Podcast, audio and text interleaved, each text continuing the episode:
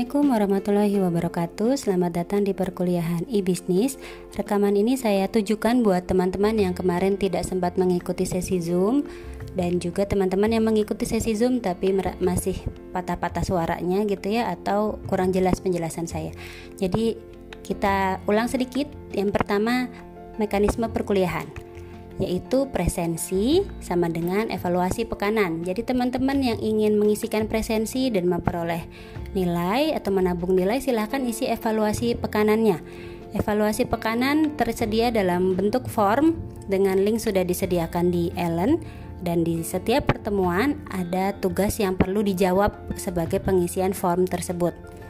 Seperti itu ya. Jadi kita desain perkuliahannya agar tidak wajib hadir di kelas-kelas Zoom.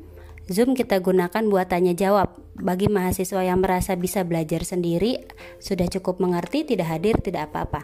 Bagi mahasiswa yang memang terkendala, eh, benar-benar terkendala tapi sebenarnya ingin nanya gitu, eh, boleh via Japri, tapi mungkin harinya lebih uh, setidaknya di hari yang sama dengan perkuliahan misalkan malamnya atau paginya gitu ya. Jika di luar itu masih boleh tapi saya slow respon.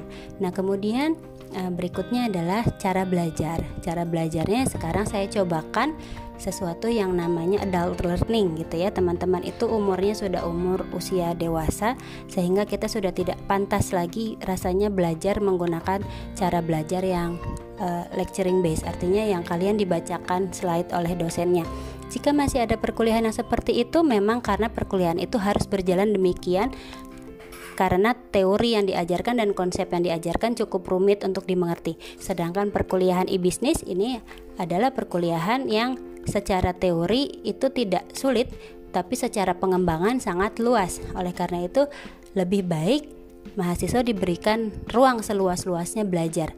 Siapa yang memperoleh pemahaman paling lengkap adalah dia yang bereksplorasi paling banyak. Tugas saya sebagai dosen adalah mengarahkan melalui pertanyaan-pertanyaan yang ada di dalam tugas tersebut dan kemudian teman-teman bereksplorasi. Selain itu saya berikan juga rekaman audio pengantar supaya teman-teman setidaknya tahu nggak blank banget ini tuh tentang apa sih gitu jadi di perkuliahan kita tidak kalian tidak akan pernah menemui slide kuliah jadi sejauh apa teman-teman mau mengambil nilai, menabung nilai dan menabung pemahaman itu adalah berdasarkan kemampuan eksplorasi masing-masing. Nah, kemudian eh, sesi kelas akan tetap rutin ada sesuai jadwal. Itu benar-benar kita maksimalkan untuk diskusi.